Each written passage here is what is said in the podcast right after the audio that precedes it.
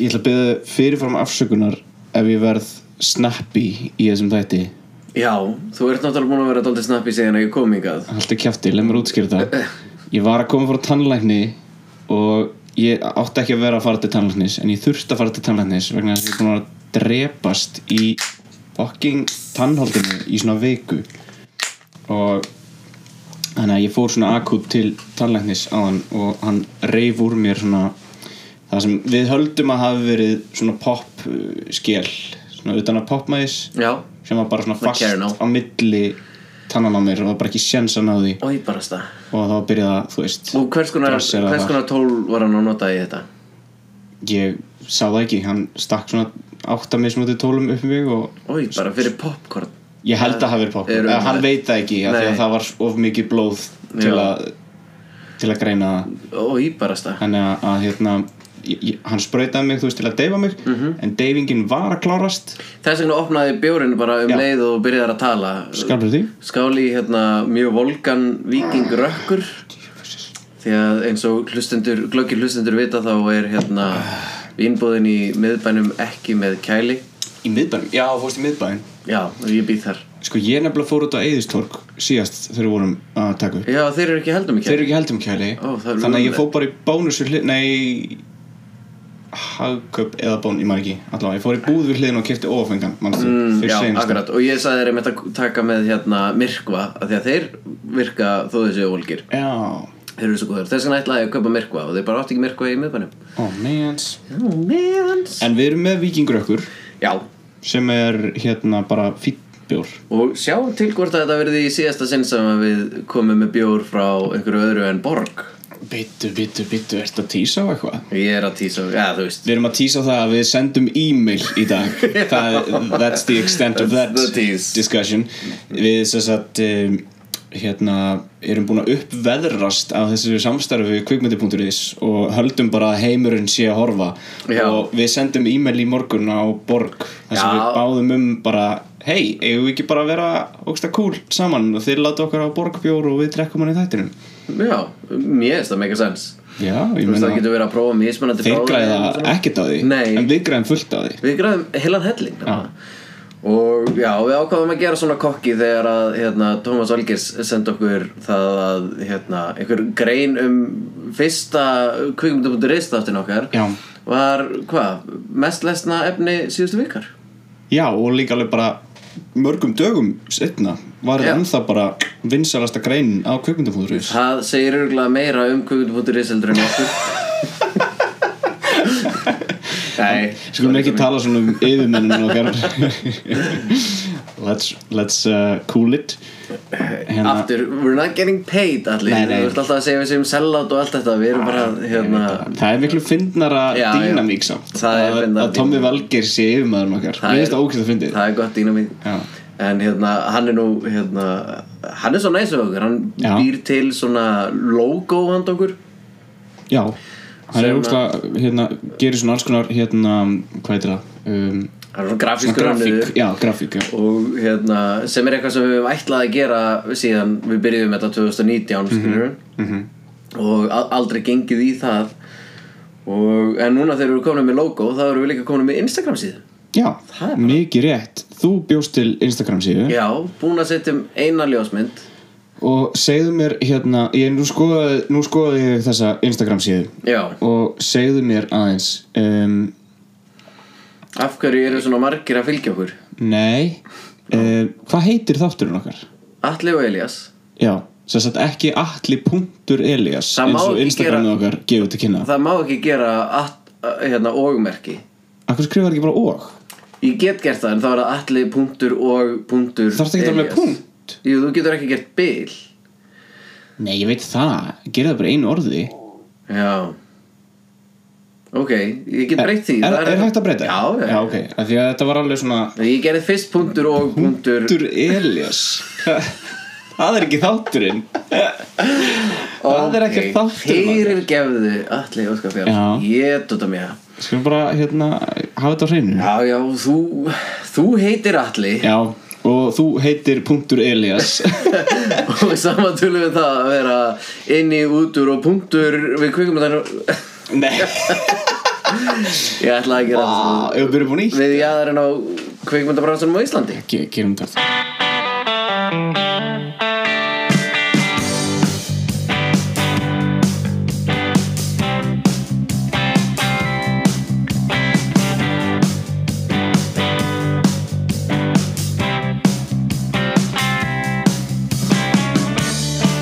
Þú veitir allir Og þú heitir Elias Og samantölum við það að vera inn í útur og í jáðarinn á kveikmyndabransunum á Íslandi Mikið rétt Og í dag Já. Þá ætlum við að ræða hann Stockfish Við Sem þú tapaðir Já Mér stókislega hérna, leiðrætt að segja þetta En það er stút fullur þáttur í dag Eh, Já Þetta er sem ekki klesi að segja þetta Það er- En það er í alvörunni stútvöldu þáttur Er það? Já. Ég er ekki með neitt Er Þannig að það það er ekki? eins gott Ó. að það sé Ok. stútfullur á þinnum Hann verður þá bara fullur Já, ok Engin stútur Við ætlum að tala um hérna, styrkveitingu Sem þú varst að fá Já, sem að við vorum að fá Já, ok, við vorum að fá Ég Já. setti nafnið mitt við þetta Já. En þú gerðir alla vinnuna Já, já Eh, Já, Sem að nánast. ég og hérna og annar handriðsöfundur sem við sömdum seríuna saman og ég bara þú veist, síðan þurfti hún að flytja Erlendist til að vinna í sjónarseríu og við vorum ekkert búin með okkar vinnu þannig séð það,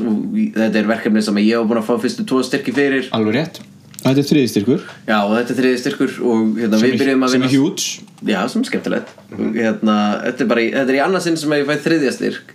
En í fyrsta sinn sem ég fæ þriðja styrk fyrir sjónvarseríu Sem er skemmtilegt Einmitt Og þá erum við að tala um þriðja handrit styrk frá Já, já, já, já, Kvikmyndasjóði já Íslands. handriðstyrk Einmitt Þar sem þú ert handriðshöfundur Já, Uh, við ætlum líka að tala um hérna, skemmtilegar Facebook umræður sem að mynduðust á hérna, uh, Facebook kópi kveikmyndagerða fólks ok, skemmtilegt hérna í vikunni Er það kannski umræðan þar sem að ég postaði og sagði að við varum komin á kvikmyndu.is Nei, eh, ja. það var, það var engin umræða ég fekk sem einhver myndaðist. þrjú like Já, það, það er ekki umræða Nei, nei, Uh, svo ætlum við að tala um eins og þú sagðir, já, Stockfish uh, við ætlum að, ég ætla að tala um hérna, nýja íslenska streymisveitu sem er að byrja, Eh, Já, það verður svolítið cool ok tölum betur það á eftir um, og já, fleira var það ekki Nei, já, stút fullur þáttur Döfuminn og reyrar En hérna, á hverju eigum við að byrja? Ég að byrja á styrksveitingunni uh, Já, ég meina það sem ég byrjaði að segja hans frá því Þetta er bara sjónarserja sem að hérna, Þetta er þetta serían sem að ég kom til Íslands að því mér langaði að gera hér Það veist, Ég flutti til Íslands að því að ég mátti ekki vinna lengur í bandaríkunum En við höfum farið í gegnum það marg oft áður í, hérna, í þessum þáttum Alveg rétt, alveg rétt og síðan hérna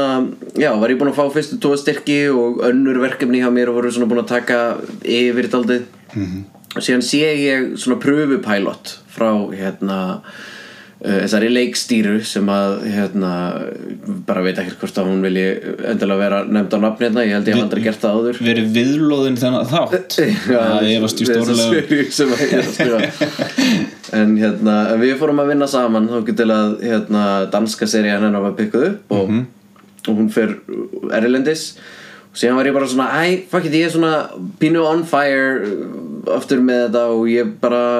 prófaði að klára mína útgáfu af seríunni þó að hún munir örugglega breytast aftur eitthvað þegar að hún er komin aftur til landsins ef við munum hérna halda því samstarfi áfram og sóttu bara um já þriðja handrið styrk tók hvað 14 vikur að fá svar frá kvikmyndasjöði Ummitt en við fengum þetta svar loksins í dag Já, og eins og ég var að kenna þér núna hérna áðan að þar segja að, hérna eh, þegar ég var að vinna að þessu fyrst eh, þá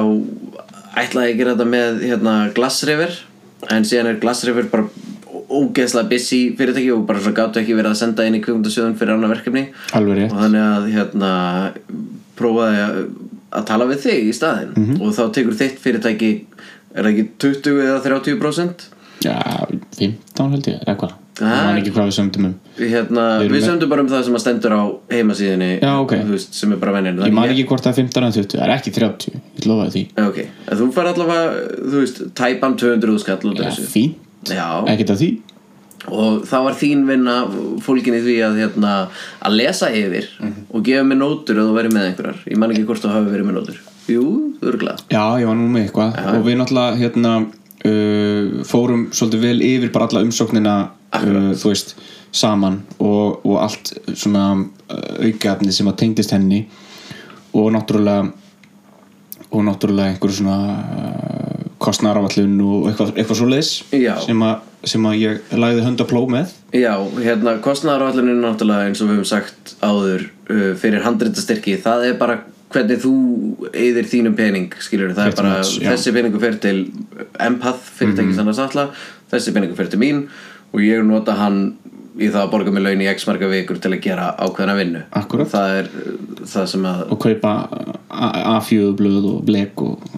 Já, penna og eitthvað svona. akkurat. Já, nákvæmlega og hérna já, en síðan hjálpaður mér mjög mikið við að stytta greinagerðina sem er mjög mikilvægt, þegar greinagerðin skiptir rosalega miklu máli alveg rétt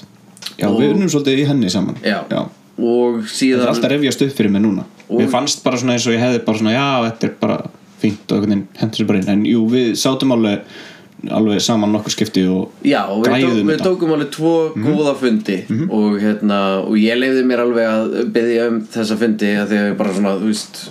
auðvitað var ég að byggja um að gera mig greiða með að s- sækja um en, hérna,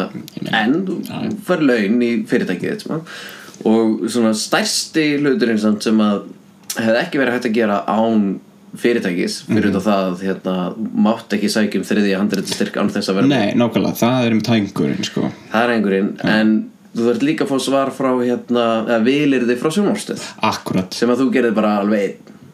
já, já, og það bara þú veist, tók enga, enga stund í rauninni, sko, ég held Já. að hérna ég held að uh, það sé svona frekar auðveldur partur af þessu af því að hérna, sjónvarstöðunar eru bara eiginlega svolítið þannig að, að þær eru ekkert bundnar við þáttinn, skilur við, þær geta alveg gefið vilirði fyrir sýningu s- s- gegn því að þátturinn upphyllir þeirra skilirði, skilur við Já, já. þannig að, að það er alltaf hægt að segja þú veist, þegar þátturinn er tilbúin eða þegar hann fer í framlýslu bara, nei, veistu, við erum ekki til í þetta eða, jú, við erum til í þetta, skilur við Já, en þeir þurfa líka líka vel við manneskina til þess að þú veist, þú ert búin að vinna með sjónvarstöðunum Sure, með því að selja uh, sure, definitely, algjörlega. Island Living Já, og já, já, svona. Þú veist, algjörlega. það allt spól, spilar inn í mm. 100% og mhm, Þannig hérna, að ég nýtti mér minn einstökur sambönd Akkúrat. við þessi, við þessa umsókn og við fengum hana í dag Já, við fengum Þannig að svar í skjálf dag. fyrir því Heyrðu, skál fyrir því og þegar við fáum síðan fyrir þá sem er að pæla hvernig þetta gengur að því að þetta, þú veist, það býði 14 vikur er alveg mikið byggðum við í 14 vikur mm Mhm. -hmm. það er slatti, þá að taka 8-10 vikur alveg rétt Þannig eftir tíu vikur þá ringdi ég Já, og sagði hver er nú staðan á þessu -hmm. og þau segja hérna já, þú veist, við erum nú reynda búin að taka út þennan lið þar sem við segjumst svara í, milli 8 og 10 vikur Já alveg rétt af því að hérna, af því að það hefur komið svo rosalega mikið af efni inn eftir COVID mm, Svo- auðvitað. eins og allir kvikmynd að gera með Auðvitað. þau bara farið að skrifa handrit sem að meikar fullkomin sens og Nákvæmlega, sko. hérna og þannig að ég ringi aftur eftir eða sendi e-mail eftir 12 vikur Mm. og að þau segja svona það mun örgulega koma næstu tömum vikum og þá sendi ég eftir 12 vikur bara svona í dag, þú veist svona hey, what's going on og þá og fallega við kvikmyndasöður eru þau mjög fljóta að svara þau svara Mhm. alltaf bara eiginlega um hæl Já, svona fyrirspurnum Já, svona fyrirspurnum og þá báðast þau bara vel, velirðingar um að Velvirðing. velvirðinga, meina, velirði Eh, velvirðinga um hérna að þetta taki lengri tíma en það ætluðu sér en þetta muni vonandi koma stuttu eftir áramót nei, þetta er mánaðamót Já, og svo bara 1. júni, bam já, það var bara mjög skemmtilegt ekki slæmt nei, En hérna, ég vil hérna tala um þessa umsögn sem þú fjöxt ef að, ef að þér e, er sama af því að þessi umsögn sem að fylgdi með var alveg sjúklega flott og ég ætla nú ekki að fara eitthvað að að nefna nafn hver er umsagnar aðlinn eða neitt svoleiðis og, og ætla nú svo sem ekki að fara heldur að lesa þetta eitthvað í, í þaula en mér finnst bara svo fallegt að hvað þessi umsagnar aðli fílaði seríuna mikið og er greinlega búin að fylgjast með henni frá uh, upphafi já, það Ek- er alltaf ekki satt. Mhm. sami sem að nema þú byggjur um að skipta um umsagnaraðila sem ég hef einu sinni þurft að gera einmitt en, hérna, en til þess að gera það þá sendur þú bara e-mail á kvikmynda, eða þú veist, Já. á hérna, Sigurós Einmitt.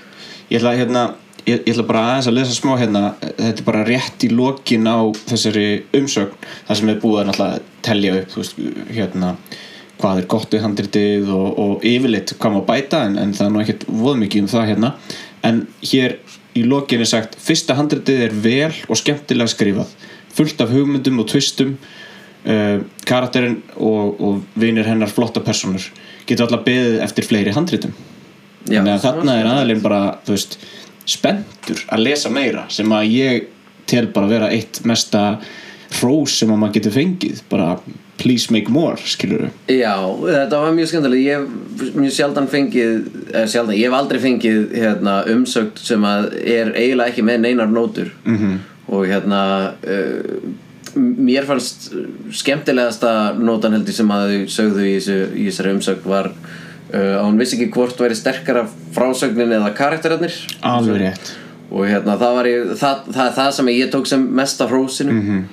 en en jú bara rosalega gaman að hún hafi fílað allar þessar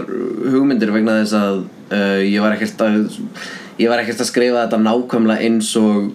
uh, út frá þeim nótum sem ég fekk fyrir fyrstu tvo styrki ég held bara áfram, svona ótröður áfram og reynda að bæta þetta eins og ég geta því að það er líka eitt sem að fólk mætti kannski læra af þessu einmitt er hérna, þú veist, þessi eins og við erum oft talað um í hérna, í svona handrita heiminum er the note behind the note -hmm. þú veist að því að þó að einhver sé að segja þetta hérna er ekki alveg að virka og kannski geti þetta verið betra ef þið farið þessa hérna leið einmitt þá í staðan fyrir að fara endalega þessa leið sem að þau eru að hérna, suggesta það frekar bara svona ok það er eitthvað hérna sem er ekki að virka Akkúrat. þannig hvernig get ég látið þetta virka en samt farið mí- mína eigin leið já já já nákvæmlega þannig að það var mjög gaman að sjá að þau, þau voru hérna sammála öllum þeim ákvörðunum -hmm. en já, nógum svo sem kannski eitthvað svona að hæla þessari Nei, mér finnst þetta bara svo flott þú veist, og, og, og kannski er þetta eitthvað voða hérna, circle jerklegt að vera eitthvað að tala um sitt eigið hérna, dæmi en, en ég skrifaði þetta ekki, þú skrifaði þetta þannig að ég vil endilega fá að hæla það eins mikið við get hérna, ég ætla að lesa eitt í viðbót og svo mú, hérna, heldur áfram um, uh, Serían yðar af skemmtilegum þunga ef svo er yfir höfuð hægt að komast að orði leikur sér að erfiðu þemanu bæði í formi og innihaldi á sama tíma Það er ekki verið að fræða okkur um andlega veikindi heldur fá að upplifa þau á óvenjulegan, stundum sjokkarandi en skemmtilegan hátt sem kemur við kaunin í leiðinni. já, En mjög flott. takk Þú, hún segir líka hérna að, þú veist, að, því að það var liðið mjög langur tími síðan að ég sótti um annarstyrk sem að ég hérna, tala alveg um í greinagerðinni sem að ég sendi með þessari þriðju umsókn, umsókn. og hún segir svona, já, vissulega eru hérna, langur tími liðin eins og, eins og Elja segir í greinagerðinni en, uh, en á þessum tíma er, uh, er samkeppnin orðin mun harðari líka sem er alveg rétt það er svolítið áhugavert. Af því að hérna, það eru komið mun fleiri verkefni sem að eru svipuð því sem að ég er að gera og eitt skemmtilegt að hérna, ég held að hún hafa verið að referensa eitt verkefni líka sem að ég er að lesa yfir sem svona að ég gerir svona coverage on the side sem að hérna fyrir hérna ákveðu fyrirtæki sem að bara borga mig smá fyrir að gefa nótur -hmm. og ég var Sem þú hefur gert áður. Þú vannst við það út í LA líka. Já, ég vann við það í Los Angeles og Mhm. síðan ger ég það líka hér og hérna, gera aðeins öðruvísi hér ég fer aðeins nánar út í það það sem ég Mhm. var að gera í LA var rosalega mikið svona að lesa handrit og segja uh, bara í stuttumáli um hvað bíómyndin eða þættinir eru um Já, einmitt. og síðan hvað mér finnst Vegna þess, að, vegna þess að þar varstu náttúrulega að vinna fyrir fyrirtæki sem fær hundruði handreita send til sín og þú veist, það er bara, þeir hafa ekki undan að lesa Já, allt, skilur. þeir, þú veist, be- pointið er basically bara það að yfirmenn mínir geta mætt á fund með handritsöfundum og þóst hafa lesið það. Mhm. Já, einmitt. það er svona daldið pointið Það er LA leiðin Já. en hér hafa allir lesið það sem að þeir eru að senda mér þannig að ég vil bara svona ræði það og st- og stundum eh, hef ég til dæmis verið áfram þú veist að vera að lesa hérna næstu dröft af handritum og þá verður maður komin í svona smá consultation role sem er mjög skemmtilegt líka Ok, en hérna eh, en, en eins og síðasta verkefni sem ég var að lesa þannig uh, var mjög svipað þessu sem að við vorum að fá styrk fyrir ok sem var hérna, þú veist, þið voru að vinna með mjög mikið af sama efni og stíllinn var tiltölulega svipaður Einmitt. og ég var alveg svona, vá, hérna uh, eins gott að ég sé með, þú veist, allavega dagsetningu á Mm. mínu verkefni að, eins og þið haldi ekki að svona gæinn sem að var að gefa okkur nótur er núna með alveg eins verkefni og við en hérna Varstu nokkuð að vinna í leikhúsi á þessum tíma? herðu, alveg rétt alveg rétt, við vorum að tala um það náttúrulega í senast þetta, Já, með tala- um systrabönd. systrabönd, já. já, herðu, við þurfum eiginlega að, hérna Þurfum aðeins að dressa það að dressa það, já, við Við erum hérna búin að fá mikið að heitmeil frá sagafilm rosalega mikið að heit með bara, Og eiginlega, allir brjálæðir eiginlega bara hver einasta manneska sem að vinnur hjá sagafilm Já. er búin að senda okkur heitmeil Rosalega skrítið og hérna og síðan fengum við heitmeil frá hérna ykkur Danmörku líka Já, Nei. fórsett á Íslands Nei, djók Nei, við erum nei, að- nei, við erum ekki bara fann einn heitmil, við erum að grínast En hérna, við hins vegar áttum mjög áhugaverða samræður Við aðila sem að þekkir þetta mála aðeins betur já Og- eh, sko við fengum bara ábendingu basically, er hægt að segja Já, já, já við fengum bara ábendingu um hvernig þetta má, mál hérna fór fram og þú, veist, og þú getur kannski mynd okkur á hvern, hvað við töluðum um í senast að þetta þegar þú varst að segja mér frá Já, þessu það sem við vorum að tala um í senasta þætti var í rauninni að uh, þe- þessi, þessi státaserja, sýstrabönd, kom út og það var uh, leikskáld sem að um, skrifaði pistil um það að þetta væri keimlíkt sínu efni og í rauninni mjög líkt leikriti sem var frumsýnd árið 2015 held ég sem að fjallan eiginlega bara um nákvæmlega saman hlut eða svona allavega með sömu þemu í gangi Já, með sama stóra þú veist, svona, það sem að sögu þráðurinn byggist upp er bara sama hugmynd Mhm, basically og það sem að ég sagði þá í senasta þætti var náttúrulega bara þú veist, það er úksta leðilegt sérstaklega ef að hérna, þessi um, þetta leikskáld myndi vilja þróa verki sitt yfir í sjónvarserju einhvern tímann þá er Einmitt. það eiginlega bara svona búið að gera það og það er, Akkúrat. hann getur ekki nýtt sér það en þar upp á móti er ekki hægt að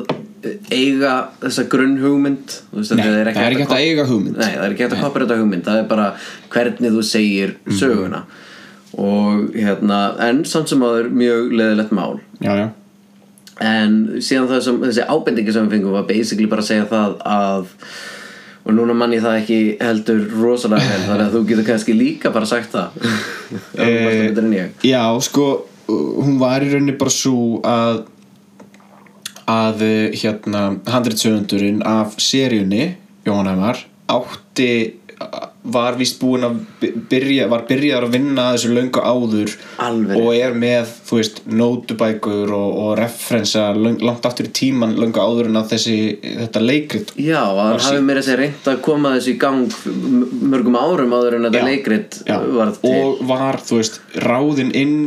til þess að skrifa þessa seríu uh, löngu áður Þú veist, Já. þetta var bara eitt af svona upprunalegu pitsum hans til sagafilm skildist mér Akkurat, og, og þú veist að því hann er náttúrulega bara crazy busy og einn af örgulega mest, örgulega einn af mest busy 170 landsins já,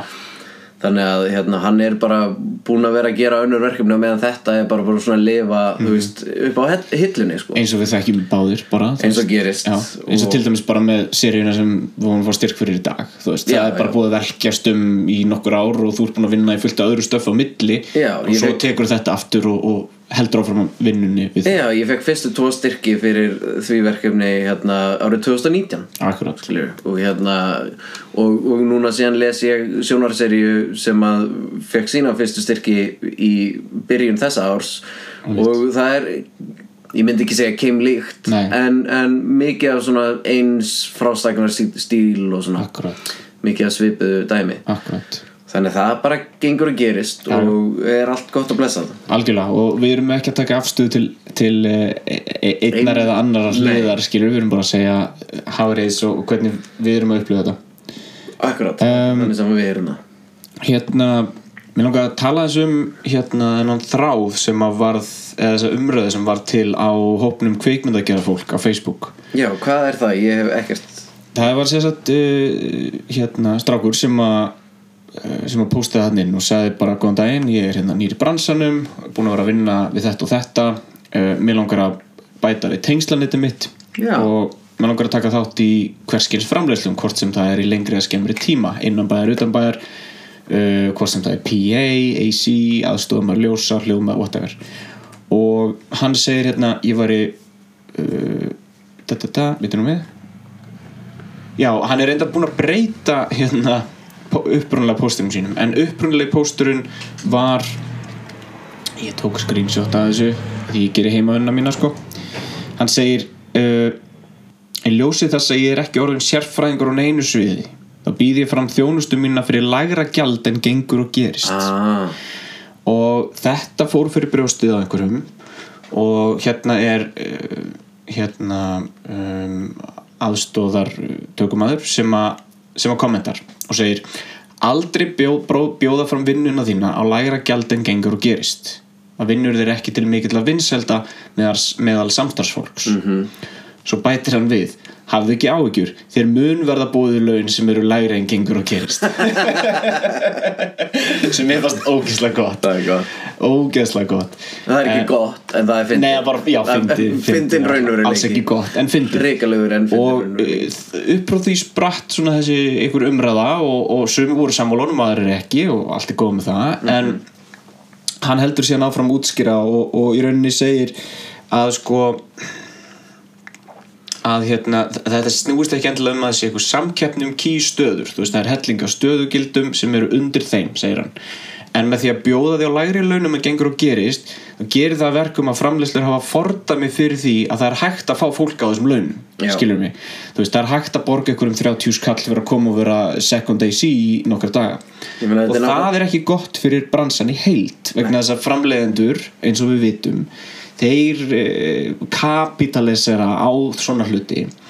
og þetta býr til svona eh, í raunin lækkar þetta laun allra annara Já, ég að því meina þú ert búin að fá einhvern randóf fyrir x mikinn pening þá getur þú borgað öðrum eh, quote on quote randóf fyrir sama Já, gig og þú getur meira að segja sagt einhverju sem er ekki kvot on kvot randó mm. sagt að þannig svona nei en hérna við getum annarkvort starfið þig sem er betri vissulega í starfinu eða já, það var já. með meiri reynslu hvort þú er Einmitt. betri eða ekki Einmitt. eða við ráðum þennan hérna á, þú veist, á þessum launum Nákvæmlega. take it or leave it Nákvæmlega. og þetta er náttúrulega ástæðan fyrir því að hérna, aðrir bransar eru með union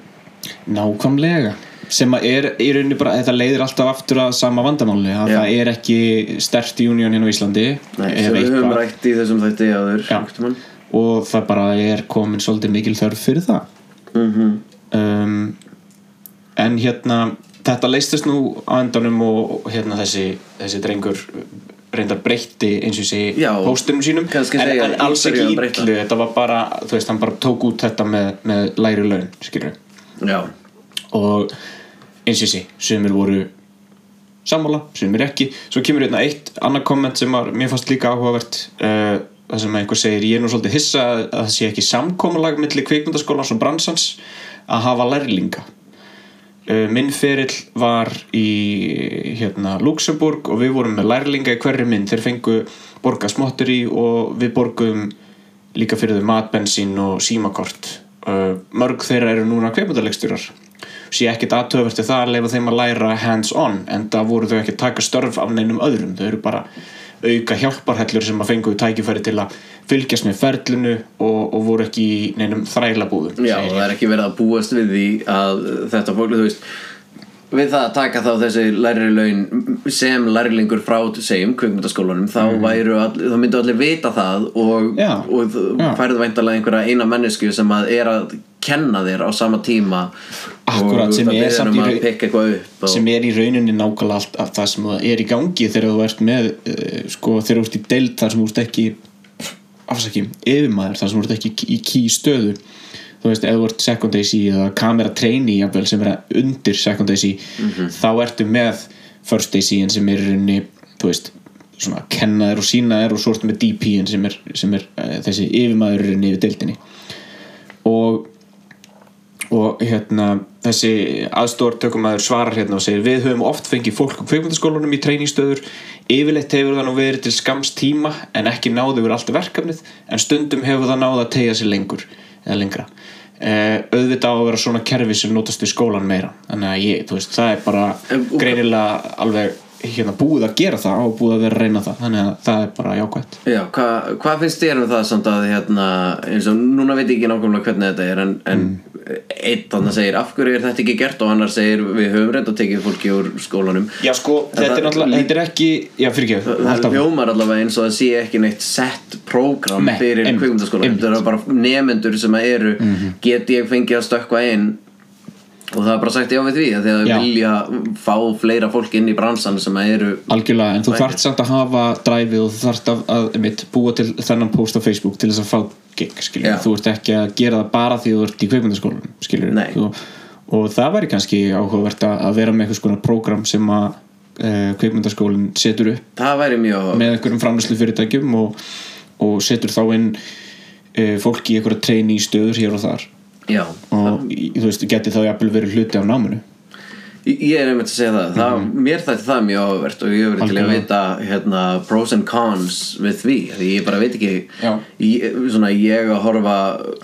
út úr þeim bransa og inn eh, Einmitt. þá Náttúrulega- sé ég ekki náttúrulega prófa því er, er auðvitað að um, bara svona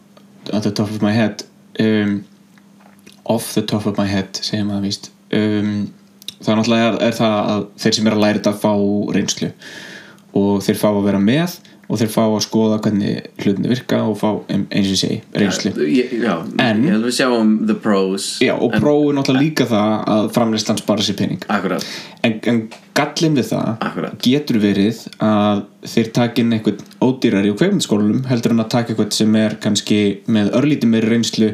búin með kveikmyndaskólan, búin að vera í treynistöð og er kannski að sækja um einhverjar æðir, æðrið stöður en í staðinn þá kemur einhver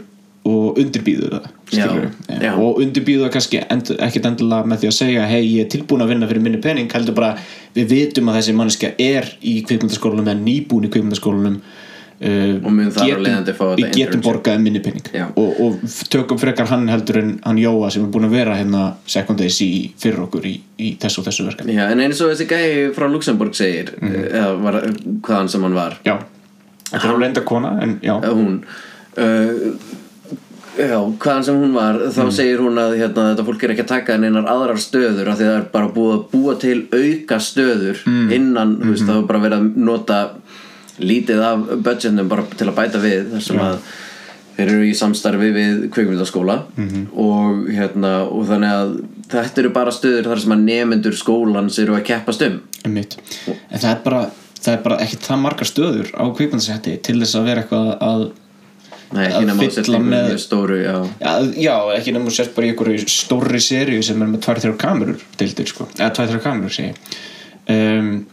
þannig að já þetta er, þetta er flókið issue og, og, og ekki eitthvað sem við erum að fara að leysa hér og nú, en mér finnst þetta mjög áhugaverð umræða samt sem hafur og það, þetta er gaman að vita hvað fólki finnst um þetta svona almennt Já, svona þar sem að við erum nú byrjaðar að fá einhvers konar ábendingar Hann, Já. Einar Pétursson og Greta Már eru greinilega döglegri en við heldum Ákaflega. Ég- Jafnvel að þetta hafi verið frá einhverjum öðrum sem hafi hýrta bara vegna þess að Hver við erum veit? konar á kvikmyndu.is nákvæmlega, Hver veit? hver veit En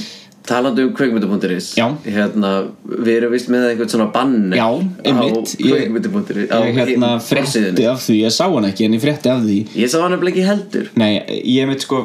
Tommy var að senda okkur hérna "Æ, gerð- gerði hérna banner og svaka flott og við bara, að geggja það svo fór ég á kveimdumuður og skrolla út um allt og fletti í hann er öllu ekki og þarna. fann hann hvergi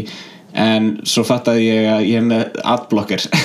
ég er nefnilega líka með adblocker og þannig um leið og þú sagðir það þá verður ég svona, já ok, þetta er þá ad, þú veist Já, í rauninni, Ætti þetta er það samt eitthvað ekki að sem að þetta er eitthvað sem að sko, þú veist sem að poppar upp í rauninni þegar þú lótar síðunni sem, já, og er, er skráð sem auglýsing þannig að- að Já, ef þú ert með adblocker þá séð okkur ekki þannig að við mælum með allir sem að, hérna, eru með adblocker að pása adblocker fyrir kvikmyndu.is Já, Mm. bara- bara til að geta séð okkur Já, disableðan bara fyrir kvimdum.is af því að Já. það er eina ástæðan fyrir þessi síða er í gangi, skilji þú veist, Já. að, að, það er það sem heldur henni gangandi á ég við true, já, Já, Já. en Tommy Valgeir starf nú að borða já. Eh, það þurfum við öll að gera Talandi um kvimdum.is hérna, ég sá mjög skemmtilega grein þar inn á sem ég langaði aðeins að tala um um, Já, ég verði reyndar þar sem að við erum að tala um kvinnupunkturins, þá verði ég eiginlega að segja að þegar að ég, hérna þú veist, er að Mhm. reyna að finna eitthvað svona, við erum að fara að taka upp podcast átt og við veitum ekkert þannig sér hvað við erum að fara að tala um -hmm. þá þá fer ég alltaf á kvikmyndu.is Já, er það ekki? til að sjá hvort að það sé eitthvað þar sem er hægt að ræða Nákvæmlega já, en þannig þú hefur væntalega gert það og Ó, já. hvað fannst þú? Ég gerði mína heimavinu uh, Það er íslensk streymisveita já, alveg þetta ég var eitthvað búinn að Ný heyra því. íslensk streymisveita sem að er verið að setja á laggirnar núna og hérna er, er ógíslega fyndin mynd af af eh, pari sem setur og horfur á sjónvarpið það er íslenski fáninn þarna á milli og pappirspjessi er í, í sjónvarpinu Herðu sem er náttúrulega eitt það alíslenskasta sem að gengur og gerist Það, það er það íslenskt að þú verður eiginlega að horfa á papprispjasa með Fánan. íslenska fánan í hendinni Eil- það er eiginlega ekki annað hægt sko. en þetta er geggja og uh, hér segir að undirbúningsvinna sé hafin að stopnum streymisveitum í íslensku myndefni uh, þetta verður á vegum kvikmyndamistuðar Íslands, KMI og kvikmyndasafns Íslands og mun starfsfólk þess sinna þeirri vinnu uh, og þetta er í rauninni partur af kvikmyndastefnu ríkisins uh, til ásins 2030 sem að sem að uh, Já, var þeir- kynnt núna fyrir nokkrum misserum síðan Já, það er náttúrulega alveg risastórt pitstack ef einhver hefur áhuga að skoða það ég, og það er einmitt hef linkað inn á líka það þetta já. er alveg 20 blaðs síða dáðurandur hérna sem er, er mjög áhugaverð og ég las hana á sínum tíma og lofar mjög góðu já, og meira segja lofar, lofar því að, að það komi nýr uh, sjóður uh, það er að segja að það verði kvikmyndasjóður og svo verði uh, í rauninni Sjónvarpssjóður. sýstur sjóður sem að er fyrir sjónvarps Já. efni ég hefur reyndar áhuga á að spyrja hans út í það hérna, veist þú hvort að það sé þá bara fyrir hérna, framleiðslu pening eða er þá að þið töluðum að þið myndu að hækka sjónvarpsjóðin Já. og gera, hérna, setja meiri pening í hann en nú Einmitt. er og þar að leiðandi verður þú veist, sá sjóður sem er núna notaður til hérna, kveikmynda og sjónvarps Mm. að hann verður bara notaður í kveikmyndir já ég veit ekki hvort það verði eitthvað tekið úr honum og sett í hitt eða hvort það verði bara dælt í bara glæn nýjan sjónvarsjóð Já. en þetta er það sem að uh, hérna, menta menningamálráður án okkar Lil- Já. Lilja Alfreðsdóttir er að setja upp og svo við komum hérna sörklum aftur að, sörklum aftur að hérna, þessari streymisveitu að þetta er eitthvað sem að ég er búin að vera að tala um svolítið lengi ég veit ekki hvort ég hef nefnt þetta í þættinum áður en ég hef verið að tala um að þetta þurfi að vera bara í sko samningum þegar að fólk semur um það að fá styrk frá KMI að þegar að myndin hefur farið sína för, þú veist, hvort sem það er á festival eða í, í sjónvarp eða, eða hvað sem er að það endi á þessari veitu Já. bara svona aðalega til þess að við getum varðveitt uh, þessar kvikmyndir og, og þetta efni sem við erum að framleiða og ég býst við því að svona fyrstum sinn verði svona eldri el, verði eldra efni þannig Ég, það er einmitt það sem ég hefði haldið að þetta veri meira fyrir til að varðvita gamla íslenska efnið sem að er ekki hægt að finna neins það rannast að Akkúrat. því að nýja efnið þú veist, og þá núna spyrja því að þú segir hérna, að þetta þurfa að enda einhvers staðar mm. well, það er náttúrulega bara næsti hluti til að fá þú veist, einhverju laun fyrir verkefni þegar það er tilbúið og það er búið að taka eh, sinn ringi kringum heiminn einmitt að selja það til til dæmis Netflix þar sem Já. að Netflix er núna náttúrulega að vinna hörðum höndum í að gera þú veist, meira svona Nordic efni eins Mhm. og þeir tilkynntu varðandi hérna, Valhalla Murders átt að vera fyrsta svona Akkúrat. tilraunarverkefni þeirra fyrir Íslands efni og þeir eru búin að vera að gera ön- önnur tilraunarverkefni annars staðar í Norðurlöndarum Mhm. þeir vilja vera bara með risastórt batteri hér já, bara heilan katalóg en þeir eru kannski ekki að fara að kaupa þú veist uh, eldra efni Nei, á og, Íslandi. og einmitt sko þú veist, og, og ef við hugsum bara um hérna svona ferðalag nýs íslensk efnis þá kannski ferða á okkur festival og eh, fer svo kannski á einhverju sjónvarstöð hérna heima jafnvel á okkur Netflix, svoleiðis eh, en, en endar síðan að lokum á þessu streymi og það er alveg tekið fram hérna hugmyndin er að streymisveitan veiti aðgang að íslenskum kveikmyndaarfi þegar myndir eru ekki fáanlegar annar staðar Já. henn er ekki ætlað að vera í samkeppni við aðra aðila Ókei. sem kunna að bjóða upp á Íslands efni hverju sinni þannig að þetta er ekki að koma upp á móti Netflix eða á móti sjónarpi Simons eða Já. stóttu eða hvað sem það er heldur er þetta ymmit þegar það er búið að fara sinn ring og búið að gera það sem venjulega gerist fyrir þetta Já, efni og þú ert hættur að lifa á þessu verkefni Já, að, þa- að þá kannski, ég veit ekki, fimm árum síðar eitthvað svoleiðis að þá endiði þarna inn á sem að mér finnst bara mjög jákvæmt Mér finnst það mjög jákvæmt líka og, hérna, og það væri áhugavert að sjá hvort að þau séu með eitthvað svona reytum, þú veist hversu margir spila þessa mynd að það fara Mhm. að tekka inn eitthvað skonar svona einhver residual, Residuals. Já, já, einmitt og bara power to them, bara frábært og eins og ég segi, eitthvað sem ég er búin að vera að tala um í allavega tvö ár og ég veit ekki hvort ég hef nefnda eitthvað tímann í þættinum en mér, mér fannst þetta alltaf að vera eitthvað sem að vantaði í flóruna að vera með svona uh, þetta bókasafn já, skiljiði, eða myndasafn já, og Það sem eins er og bara hægt að- hérna það sem er hægt að horfa á papírspjasa nákvæmlega og þetta er, já þú veist eins og með residuals, það verður mm. áhugavert að sjá hvernig þetta mun líka hafa áhrif á þú veist samningaviðræður þú veist hérðan í frá basically og þú veist þegar það er komin einhver ákveðin mynd á þetta, þetta já og svona venjan er þegar þú ert búin að semja eitthvað efni Mhm. og hérna svona fyrsta talan sem að þau bjóða uh, oftast eða allavega það sem að ég hef séð oftast á svona fyrstu hérna fyrsta bóði Hmm. er að fá er þú veist 2% eignarétt í verkefninu sem að þú bjóst til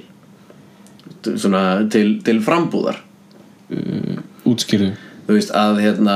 þannig að þú fær náttúrulega bara greitt fyrir verkefnið eins og, eins og gengur að gerist en Já. síðan hérna sem, sem, fyrirgjöf, sem, Sem sem handriðsöndur handritshöfundur. já, já, já, ok, ok, það eru náttúrulega bara þessi samningar sem að ég hef séð akkurat og hérna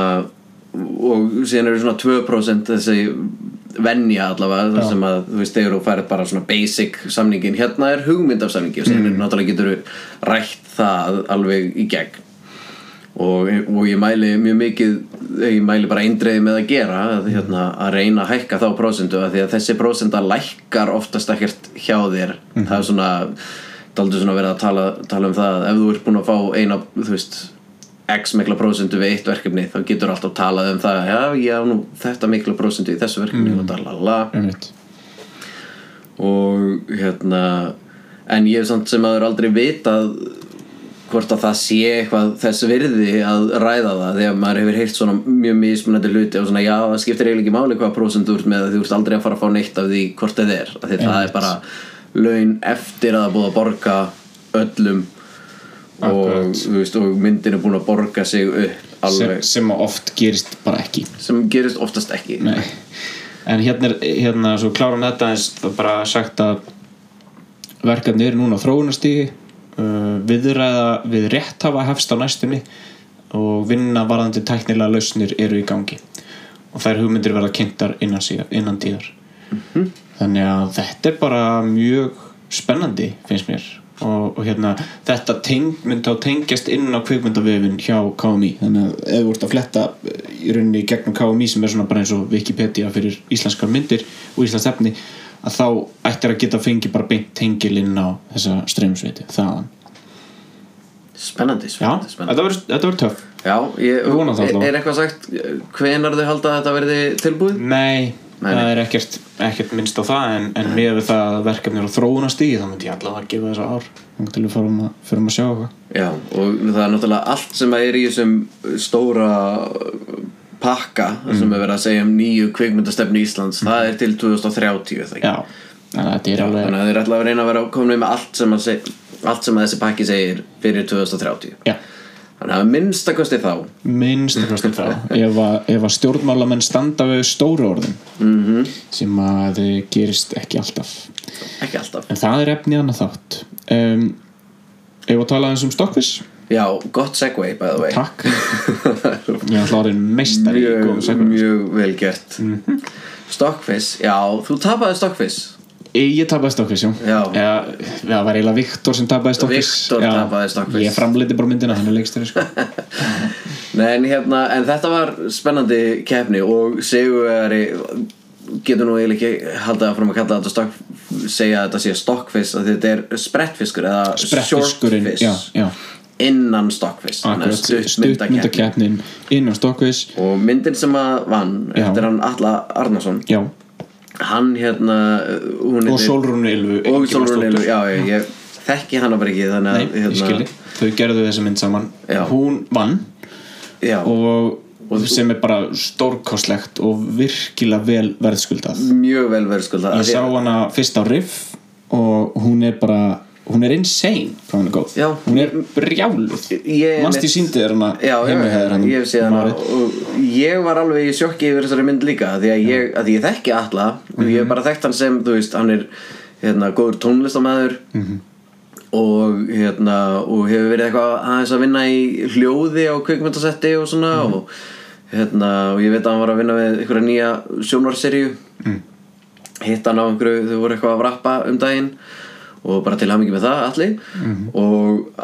en hérna, ég hafði ekki hugmyndum að hann var að gera einhverja mynd eins og þessa og þessi myndin heitir hérna, eldús eftir máli Mhm. Eldhús eftir máli og hvað heitir stelpan sem að gera þetta með honum uh, hún heitir hérna Solrún Solrún Solrún og Alli, þið gerðu bara stórkostlega mynd og ég bara byrð alla þá sem að geta séð hana þegar hún fer vonandi núna í, í almennilega sýningar Já, einhverstaðar, sérstaklega já. þegar hún er búin að vinna shortface, horfið á þessa mynd af því að þe þessi mynd og Island Living náttúrulega Hmm. voru þessar tvær myndir sem að ég skildi bara ekki af hverju þau fengu ekki eddu tilmyngar já, og hérna, og ég er mjög ánæður að þau höfðu allavega unnið shortfish til þess Mm. að svona, þú veist, bæta upp fyrir það algjörlega og bara e- eins og bara á Riff þú veist það komir virkilega óvart að hún hef ekki unni Riff líka sko akkurat Uh, en það var náttúrulega já fólki sem vann riff og sem var var síðan tilnæmt til tilnefnd Óskars Óskarsins þannig og allt að það það. er ekki hægt Já. að segja neitt mikið um það Nei, maður skilur það alveg en, en hún er, eins og ég sé, s- stórkostleg hún er bara svona listaverk og já, hún er, fólki var ekki að keppa í shortfish er það? nei, nei, eh, en stuðbundin er byggð á hérna, smásög eftir sögu Jakobsdóttur Já. uh, og hérna já, eh, þú veist, þetta er stop motion mynd gerð með svona eh, leirköllum og þú veist, incredible það er ekki hægt að segja neitt um þessa mynd annað en bara horfið á hana, hún er bara hún er fucking brilliant, sko, Já. hún er fucking brilliant og já, þú er mættur á loka hófið þar sem að Heru, nei, og ég ætla þess að tala um bara svona mína upplifun á Stokkviss og hvernig, hvernig hérna það allt saman gekk fyrir sig um, ég náttúrulega er í svolítið sérstakri stöðu þar sem að ég er framleiðandi myndarinnar ekki leikstjóri og mér fannst svona eins og ég var settur í svona farþegasætið í þú er samt, sambandi við keppnina. þú er samt með höfundur myndarinnar já, já, já, já og, þú veist það var alveg ykkar baby 100% 100% við, meina, við skrifum hana saman og, og Viktor hérna náttúrulega vann grættistak og leikstýr þessar mynd og við framleitum hana saman um, en það er svona já, mér fannst vera svona pínu disconnect frá því að ég hef unnið þessar mynd og að mér væri bóðið að vera með í þessum fögnuð sem að, sem að stokkvis eða sem að bara kvikmyndaháttir yfirleitt eiga að vera um, ég fekk, fekk ekki passa á hátíðina sem var strax svona, ah, ok um, og, og við höfum, höfðum verið með mynd áður ég og Viktor fyrir tveimur árum á Stokkvist sem að hétt Stimuli og það var mjög svipuð svipað upp á tenningum þá, hann fekk passa og við fengum bara saman einhver- einhverja fimm mið einhverja bóðsmiða og þú veist eins og núna þegar ég var að koma á Q&A-ið sem ég var reyndar ekki að taka þátt í uh, heldur bara var út í sal að þá þurfti ég að þú veist, eigða mínum báðsmiða til þess að koma að horfa á myndina mín Ha? já, og það var svona, þú veist, það setti svolítið tónin fyrir bara hátíðina yfirleitt uh, mér var búið á upp, þess að, hérna, opnunar hátíðina, eða opnunar hófið, hvað sem það heitir Já, uh, með sko hálfstags fyrirvara og meðan, þú veist, Viktor fekk e-mail tveimdöfum áður og þetta var svona allt, allt var einhvern veginn svolítið þannig uh, og ég náttúrulega, þú veist en þú sendir myndina inn eða ekki, þú veist, undir þínu fyrirtæki þetta er, þið framleitum þetta Mm, Nei, undir já en nei við framleindum þetta er í rauninni ekki undir empath sko. Já, ég var ekki ok. búinn að stopna empath þegar að þessi mynd var framleitt en, en burt sér frá því að þá erum við með þriði aðila sem að vinnur að því að senda myndina inn á hátir þannig að- að Já. það var í rauninni hans reyna films fyrir sem, að- sem sendið inn en ég fannst þetta svona pínu mér fannst þetta pínu skrítið að ég væri einhvern veginn ekki alveg með í herligheitunum og húlumhæginu það er og, mjög skrítið já, að því að þú veist hverju hafa þau að tapa þú veist, jú, ok, þau ef ég hefði keft mér mið á hátíðina það missaði einhvern einhver nokkra þúsukalla sem ég fæði á því en bara það ég sé á hátíðinni að mæta, tala um myndina tala við fólk og náttúrulega posta á, á mína samfélagsmiðla þó ég sé nú engin, engin áhrifaldur en eitt tannig en, en mér veist einhvern veginn svona þeir voru að eh, kasta krónunum til að spara auðrana skilur hvað ég meina já, og, og eins með lokahófið ég fekk ekki bóð á lokahófið bara, Þau- þau bara eru ekki einu ekki sinni boðið mér á var ekki einu lokahófið. bóð á það vá hvað þá með litlum fyrirvara heldur bara,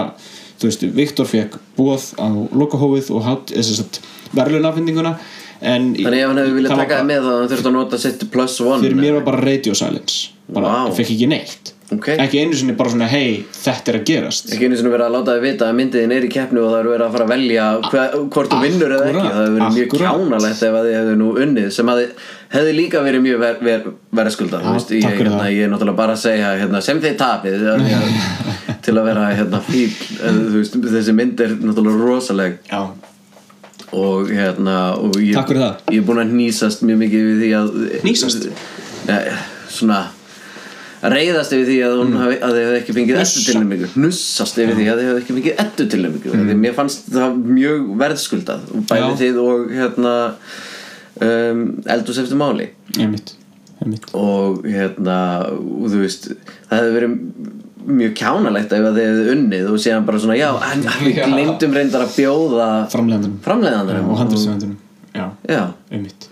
algjörlega og, og þú veist, þetta er svona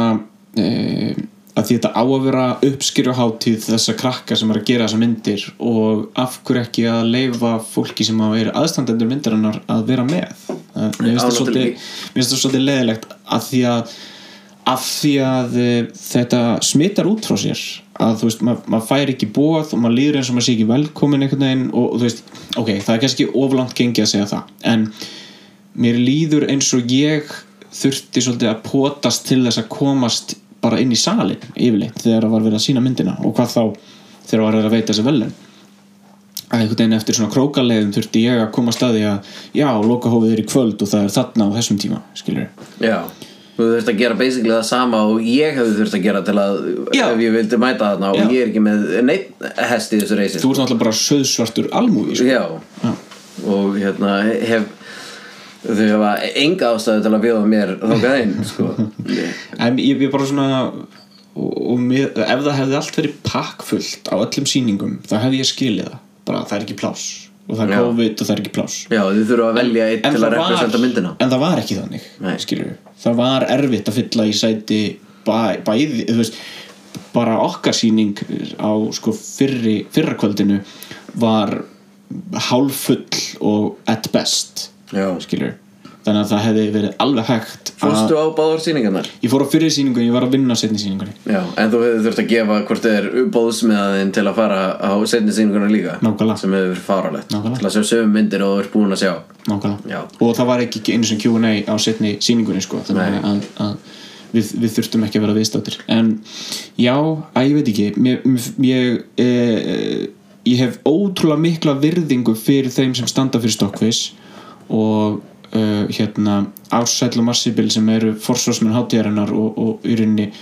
já, þau sem, að, þau sem að eru hvert einasta ára að harka í því að búa til þessa hátíð ég, ég hef utmost respekt fyrir þeim að standa í þessu og þetta er ótrúlega mikil vinna en það má bæta það Já, og, og ég segi það bara alveg bara, þú stend og fell með því Já, auðvitað, ég meina, þú veist, það er augljóst, það ætti að vera augljóst fyrir öllum sem eru að lusta af því að, af því að sko ef, að, ef að það er lagt mikið upp úr því að, að gera þessum listamönnum hátt undir höfði og ég er ekkert alltaf að tala um mig sjálfan heldur bara þeim sem að standa að myndinni ef að það er lagt mikið upp úr því þá smitar það út frá sér og þá verður til þessi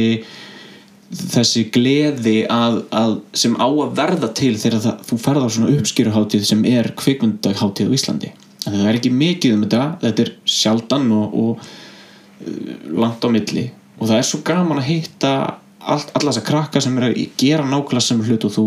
tala við þau, skiptast á hugmyndum og jafnvel, þú veist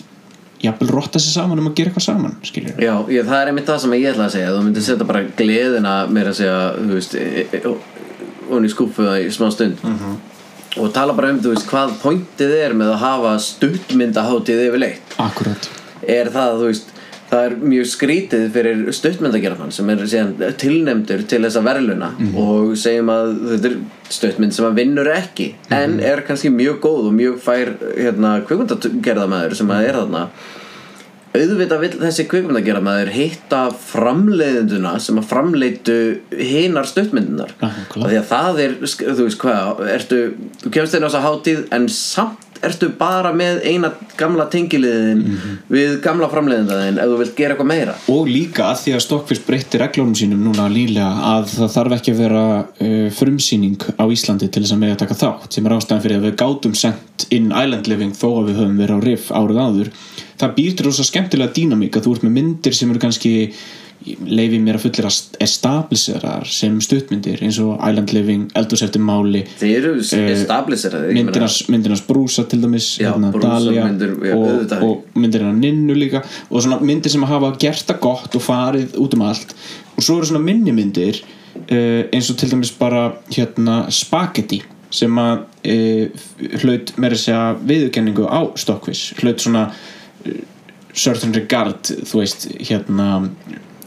hérna, það heitir sérstak viðurkenning og góð umsögn dómnefndar þú veist, Ok. það er svona mynd sem var gerð fyrir 0 krónur og, og 1-2 bjóra heyrði ég á Q&A-inu og uh, og þar eru krakkar sem eru tölvöld yngri og eru á, á svolítið öðrum stað en eru að reyna að komast á þann stað sem við erum á og við erum að reyna að komast á næsta stað þannig að það býr til skemmtilega dýnamík að, að við getum hitt þá krakka og l- kannski jafnvel unnið eitthvað með þeim í framtíðinni skilur við. Já. þannig að þetta er þetta á að vera beneficial fyrir alla að vera á sér hátíð og það að búa til eitthvað barrier þar sem maður segir, nei, þú mátt ekki leika með okkur af því að þú, þú veist, ert bara framleiðandi eða þú, þú, veist, þú ert Já, ekki bara akkúrat- framleiðandi. þú ert ekki leikstjóran skilur það, það skemmir fyrir því öllu saman alveg rosalega og núna eins og þú myndist á þeir voruð á ref Já. hver er munurinn, þú veist eh, þegar þau fóruð á ref mm Mhm. fegstu þar passa og þú veist hvað uh, já, Já, og Já. Ef, ef þú bara talar aðeins um þú veist munun á því að vera bóðið að vera í keppninni fyrir Stockfish versus Já. að vera í keppninni fyrir Riff sko málið með, með Riff var náttúrulega það að hún var haldin f- í miðri bylgju á senastári þannig að hún var eiginlega nánast öll á netinu alveg rétt já. um, það var það var ein eða- na, voru tvær sýningar fyrir Island Living og þú veist, ein þeirra var bara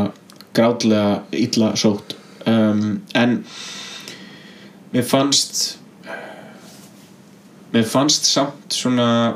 svipað bragur yfir þeim þessin, þú veist, það var það var hérna það er náttúrulega alltaf gert fyrir ógsta lítinn pening og og allir eru að vinna sjálfbóðvinnu og þú veist það er einhvern veginn bara svona allir að gera þetta fyrir ástina á listinni skilur þannig að þú veist bera þeir saman bara svipaðar mjög svipaðar Ok. þó náttúrulega riff sé tölvöld meira established hátíð en, en svona varðandi skipulag og varðandi það að involvera fólk í hátíðinni finnst mér að bara vera á mjög svipum stað já, þannig að og, þetta er eiginlega og bara, ekki á góðum stað þannig að þetta er eiginlega bara til allra þú veist, Já, hérna, átíða hérna á það mega bara- Íslandi það mega bara held ég allir taka þetta til sín sko. Já. um, ég var reyndar eftir að fara á hérna eftir að fara á Northern Wave við komumst þar inn á líka um, á hérna hátíðin á Rifi sem já, er alveg rétt sem er víst alveg svaka flott hátíð uh, hún átti að vera haldið núna í oktober en, en henni var frestað fram á næsta ár uh, hefur verið farið þangað áður ég hef ekki gert hann en við vorum með hérna, myndina sem ég nefndi aðan Stimuli, hún var hann í hitti fyrra og við, fórum, við komumst koruðir á það hátíð en já, ég, ég get ekkert sagt um það hátíð nei, já ekki eins og er, en vonandi, vonandi getum við sótt hana núna í ár já, við hérna, eða á næsta ári eins og þú segir eða núna í Það ár, er það. hún átti að vera í fyrra sko. já, ég- hún átti að vera síðast á oktober já, já, já ok, Uh, that's coming up Geggjað, já, þá tölum við um það þegar það kemur Já maður, og ég, ég vildi aðeins bara hérna óska eh, líka honum uh, hérna fyr, sem að sérst gerði spagetti uh, hann heitir Egil Gauti og, og, og svo er það Nikolás Tumi Hlinsson, Egil Gauti Sigurjónsson sem að gerðu þá mynd og hlutu þessa sérstöku viðkenningu það var mjög skemmtileg mynd og bara svona eins og ég segi no budget og hann talaði um það mitt á, hann, á Q&A hann Egil að, að hérna þeir höfðu borgað einum leikara í bjór alltaf þegar Já. hann kom á sett sko þeir skutana yfir ákveðu tímabilskilu og alltaf þegar hann mætti á sett þá fekk hann eitt bjór Það var ekki neitt Að launum, það var, það var launin hann sko þannig að þetta er, þetta er alveg, alveg algjört gorilla style filmmaking alveg- sko sem ég fíla fokki mikið Við fýlum það einmitt Já, hérna, 100%. Þú veist, tölum við einmitt svona mikið um hérna, hvernig á að vera klassa drusla sem er Já. svo spennandi að gera heila bíómynd í einmitt, þannig Ah. fíling akkurat, Æ. akkurat Þó ég ég er vissum að leikararnu kannski ekki vera að fá einn bjór fyrir hvern dögudag nei, nei. En, En, já. en, hérna bara aðeins að halda áfram það voru held ég 80 eitthvað myndir sem voru sendar inn á sprettviskin og það eitt og sér sýnir bara að það er brjálu gróska í gangi í þessu, í þessu stuttmynda dæmi og, og það er bara ógislega jákvætt það er bara eins og á að vera bara það þarf að, það þarf að þú veist, halda utanum þetta, þessa krakka uh, og þetta fólk og gera þeim hátt undir höfði og gefa þeim vettvang til þess að halda áfram að, að gera fleira stöf Ég meina er ekki, þú veist Flestir svona stóru kvökmyndageramenninir í dag byrjuðu með stuttmynd Þó að á þeim tíma þá var kannski erfiðar að koma stuttmynd í gang bara yfirleitt og að því að voru svo fáar stuttmyndir og svona en þú veist það að gera stuttmynd var alltaf your calling card það er svona stöf sem ég er að gera skilur einmitt, einmitt og hérna algjörlega sko það, það er úkslega spennandi hvað það eru margir að gera stuttmyndir eins og er Mhm. en uh, núna erum við komin yfir klukktíman já, heyrðu, þetta var bara stútfullu þóttur já, Þú veit það er skemmtilegt þetta var sko stút Já, ég er einmitt að klára hérna uh, rökkur björfin já, rekkur um, ég ætla að koma með eitthvað gullkort Já, þú eh, þú, þú segist nú að hafa komið undirbúin í þessa vikuna þannig að ótrúð þess að komstu með guldkort líka ég kom líka með gullkort Ótrúlegt og það er í rauninni bara svona ríhass á því sem ég var að segja með Stokkvís uh, þú veist Do better nei, þetta er ekkit endilega beint til, til hátíðarinnar, þetta er bara beint til þessar krakka sem er að, sem er að gera eh, þessar myndir sko þú veist, bara það að geta verið á sama plattformi uh, með no budget bíómynd og eh, no budget stuttmynd fyrir ekki og uh, stuttmynd sem að var framleitt fyrir fleiri miljónir er bara sjúklega stert og það er ógstlega jákvætt og, og það sýnir bara að, að þú þarft ekki að fara í gegnum eitthvað rigorous KMI hérna húla húps heldur bara, þú getur bara farið út og skotið eitthvað Já, og bara borgaðu leikurunum í bjór eða þú átt ekki pening skilur Já sko. við skulum nú muna eftir stuttmyndinni sem að byrjaði Duplaðas bræðunar bræðuna Já, Þú veist, hérna, sú mynd er bara hvað hétt hún aftur? Answering Machine Uh, hún er um allavega answering machine en ég man ekki nákvæmlega hvað hann heitir en þú getur googlað það kannski meðan ég tala Mhm. þeir voru búin að búa til aðra stuttmynd sem þeir eittu öllum peningum sinum í This is John This is heitir hún. John, já. Það fjallar um mann sem er að lesa inn hérna eh, kveðju á símsónu sinn já, já, og Mark Dubla leikur þann mann og Mhm. hérna þeir voru búin að gera aðra stuttmynd sem að þeir eittu öllum sinum peningum í og Mhm. voru síðan að gera svona screening með fjö- vinum og fjölskyldu og allir bara hötuðu þá mynd Já. og þeir voru bara á svo miklum bömmir það var ekki hægt að gera neitt við þessa mynd Hold for plane Ég heldur að hún heyrist hér Þessi flugur? Jú. Já, það held ég. Góði mikrofónu Talar hærri en þú, sko. Hérna og síðan taka þær taka þær upp þetta bara þeir eru bara með kameruna heima hjá sér Mhm. og ekki neitt neitt af þessum gýr sem þeir höfðu leikt fyrir hina stöðmyndina Já, voru búin að skila öllu og borga allt og bara allt og engandi. og senda það út á allar hátíðir og Mhm. fór ekki neitt og síðan tókuðu bara upp þessa hérna, this is John, bara Mhm. kamera og leikari og hérna, þú veist tiltölulega lélegt ljóð Já, og hún var bara briljant Hún er og geggjuð. Mhm. hún bara bjó til þeirra feril og allir vita náttúrulega í dag hverjir hver þessi menn eru skilur. já, já, nákvæmlega. Já, já ég, ég hérna ég fíla þessu guldkótt Er það ekki bara? Jú, mjög svo Bara, Við skálum bara fyrir því Já, Yfir skálum fyrir því. tækjabúnaðinum hérna og... yes. Rándýr tækjabúnar frá AliExpress Mhm. Já, og núna þeir eru náttúrulega komni með Instagram þá ætlum við að s- senda smá myndir Já, þú Ég varst ætla- einmitt að smetla nokkru myndum Ég af ætla, bráðan. Hérna. já, Ég það bara- Sko- eru alltaf hræðilegar Ég ætla að smetla einni í viðbót hérna verð nú að viðkynna að ég var, ég var í tölvöld verra ástandi þegar við byrjuðum hennar þátt ég var að drepast í tönnunum en, en þessi, hérna, þessi þá, þetta spjall og þessi bjór er alveg klálega búin að hjálpa mér mikið Er það ekki? Jú, Gott Og svo þegar við fáum núna greitt úr sjóðunum Já. þá skálum við aftur ójá og nú ætla ég að fara að lana í World of Warcraft Ó, Frábært Frábært Ah, let's go Verður bæ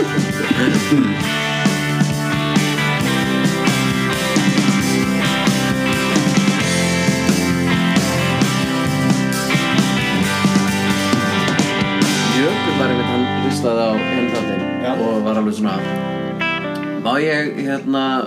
prófa að hjálpa ykkur að levela að hljóðu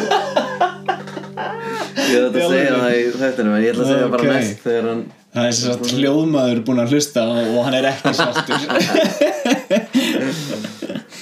oh my já, já, það er bara eins og það er við erum Já, við náttúrulega sjáum bara hver munurinn er við erum við, við, við búum til bíómyndir við, við búum ekki til hljóð Nei, akkurat það er, Erum við ennþá að rekk? já, Herðu, ok, þá segjum við þetta kannski bara hér Það er bara að því ég ætla- ég ætla- ég að pissa já ég líka, ég lefði ítastopp